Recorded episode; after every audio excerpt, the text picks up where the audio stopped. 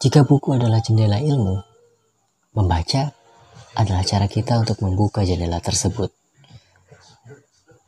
Dan cerpen yang akan saya bacakan ini adalah jendela yang saya buka untuk akhirnya mengetahui bahwa dunia cerita pendek itu luas sekali. Dari yang masuk akal sampai yang ya seperti cerita ini. Dan dari kolom netizen, inilah baca-baca.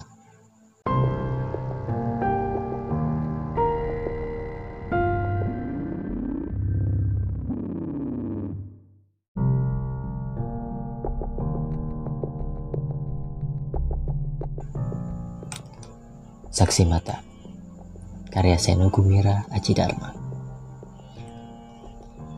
Saksi mata itu datang tanpa mata. Ia berjalan tertati-tati di tengah ruang pengadilan dengan tangan meraba-raba udara. Dari lubang pada bekas tempat kedua matanya, mengucur darah yang begitu merah. Bagaikan tiada warna merah yang lebih merah dari merahnya darah yang mengucur perlahan-lahan dan terus-menerus dari lubang itu. Darah membasahi pipinya, membasahi bajunya, membasahi celananya, membasahi sepatunya, dan mengalir perlahan-lahan di lantai ruang pengadilan yang sebetulnya sudah dipel bersih-bersih dengan karbol yang baunya bahkan masih tercium oleh para pengunjung yang kini menjadi gempar dan berteriak-teriak dengan emosi meluap-luap.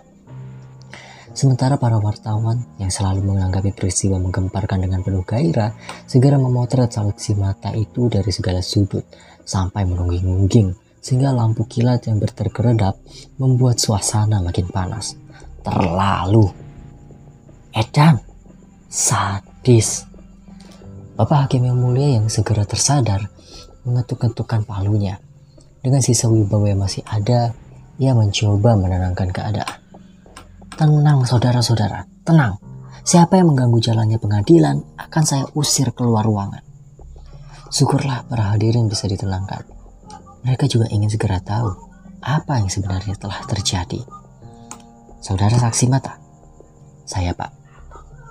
Di mana mata saudara? Diambil orang pak. Diambil. Saya pak. Maksudnya dioperasi. Bukan pak. Diambil pakai sendok. Hah? Pakai sendok? Kenapa? Saya tidak tahu pak. Tapi katanya mau dibikin tengkleng. Dibikin tengkleng. Terlalu. Siapa yang bilang? Yang mengambil mata saya pak. Tentu saja bego. Maksud saya siapa yang mengambil mata saudara pakai sendok? Dia tidak bilang siapa namanya pak. Saudara tidak tanya bego. Tidak pak. Dengar baik-baik bego. Maksud saya seperti apa rupa orang itu? Sebelum mata saudara diambil dengan sendok yang katanya untuk dibuat tangkleng atau campuran sop kambing barangkali, mata saudara masih ada di tempatnya kan? Saya pak. Jadi saudara melihat seperti apa orangnya kan? Saya pak. Coba ceritakan apa yang dilihat mata saudara yang sekarang mungkin sudah dimakan para penggemar tangklang itu. Saksi mata itu diam sejenak. Segenap pengunjung di ruang pengadilan menahan nafas. Ada beberapa orang, Pak. Berapa? Lima, Pak.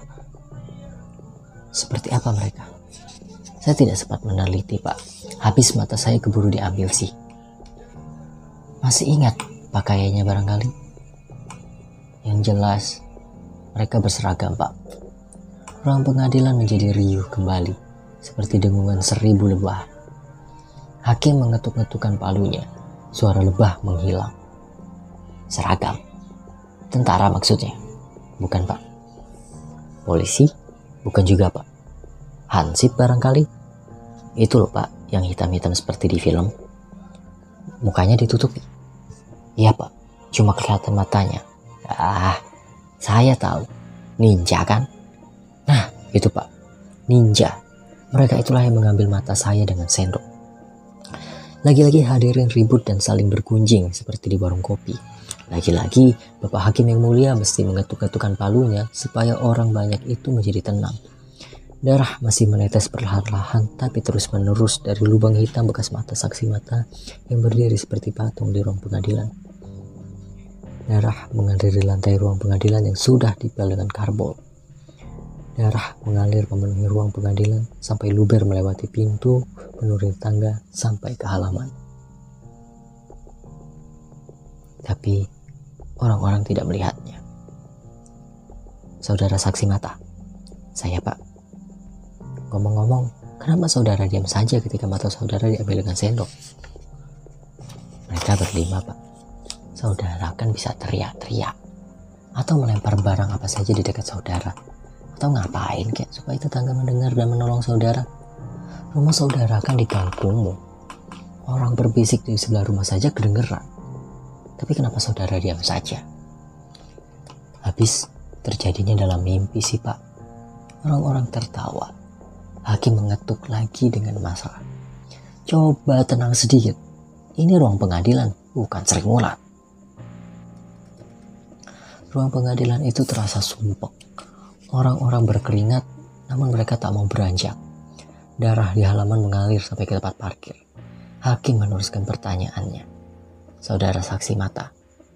Tadi mengatakan terjadi dalam mimpi. Apa maksud saudara kejadiannya begitu cepat seperti dalam mimpi? Bukan pak, bukan seperti mimpi. Tapi memang terjadinya dalam mimpi.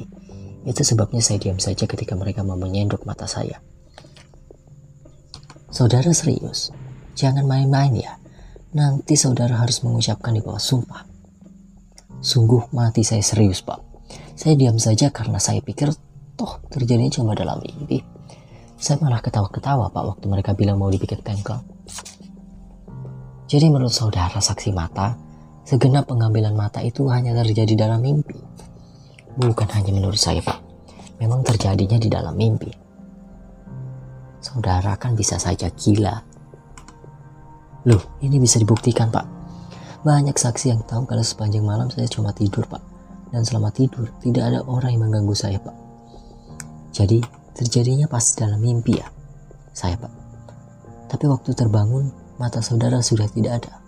Betul pak, itu yang saya bingung. Kejadiannya di dalam mimpi, tapi waktu bangun, kok ternyata betul-betul ya. Hakim menggeleng-gelengkan kepala tidak. Absurd, gumamnya. Darah yang mengalir telah sampai ke jalan raya. Apakah saksi mata yang sudah tidak punya mata lagi masih bisa bersaksi? Tentu masih bisa, pikir Bapak Hakim yang mulia. Bukankah ingatannya tidak ikut terbawa oleh matanya? saudara saksi mata. Saya pak, apakah saudara masih bisa bersaksi? Saya siap pak. Itu sebabnya saya datang ke pengadilan ini lebih dulu ketimbang ke dokter mata pak. Saudara saksi mata masih ingat semua kejadian itu meskipun sudah tidak bermata lagi. Saya pak, saudara masih ingat bagaimana pembantaian itu terjadi? Saya pak, saudara masih ingat bagaimana mereka menembak dengan serabutan dan orang-orang tumbang seperti pohon pisang ditebak. Saya pak, saudara masih ingat bagaimana darah mengalir, orang mengerang, dan mereka yang masih setengah mati ditusuk dengan pisau sampai mati. Saya pak, ingatlah semua itu baik-baik. Karena meskipun banyak saksi mata, tidak ada satu pun yang bersedia menjadi saksi di pengadilan kecuali saudara. Saya pak, sekali lagi, Apakah saudara saksi mata masih bersedia bersaksi? Saya pak. Kenapa? Demi keadilan dan kebenaran pak. Ruang pengadilan jadi gemuruh. Semua orang bertepuk tangan termasuk jaksa dan pembela. Banyak yang bersorak-sorak. Beberapa orang mulai meneriakan yel. Bapak hakim yang mulai yang mulia segera mengetukkan palu wasiatnya. Hus, jangan kampanye di sini. Dia berkata dengan tegas. Sidang hari ini ditunda. Dimulai lagi besok untuk mendengar kesaksian saudara saksi mata yang sudah tidak punya mata lagi. Dengan sisa semangat, sekali lagi ia ketukan palu, tetapi palu itu patah. Orang-orang tertawa. Para wartawan yang terpaksa menulis berita kecil karena tidak kuasa menulis berita besar, cepat-cepat memotretnya. Klik, klik, klik, klik. Bapak Hakim yang mulia diabadikan sedang memegang palu yang patah. Dalam perjalanan pulang, Bapak Hakim yang mulia berkata kepada sopirnya, Bayangkanlah betapa seseorang harus kehilangan kedua matanya demi keadilan dan kebenaran. Tidakkah aku sebagai hamba hukum mestinya berkorban lebih besar lagi? Sopir itu ingin menjawab dengan sesuatu yang menghilangkan rasa bersalah, semacam kalimat, keadilan tidak buta. Namun Bapak Hakim yang mulia telah tertidur dalam kemacetan jalanan yang menjengkelkan. Darah masih mengalir perlahan-lahan tapi terus-menerus sepanjang jalan raya sampai kota itu banjir darah. Darah membasahi segenap pelosok kota bahkan merayapi gedung-gedung bertingkat sampai tiada lagi tempat yang tidak menjadi merah karena darah. Namun, ajaib, seorang pun tiada melihatnya. Ketika hari sudah menjadi malam, saksi mata yang sudah tidak bermata itu berdoa sebelum tidur. Ia berdoa agar kehidupan di dunia yang fana ini baik-baik saja adanya, agar segala sesuatu berjalan dengan mulus dan semua orang berbahagia.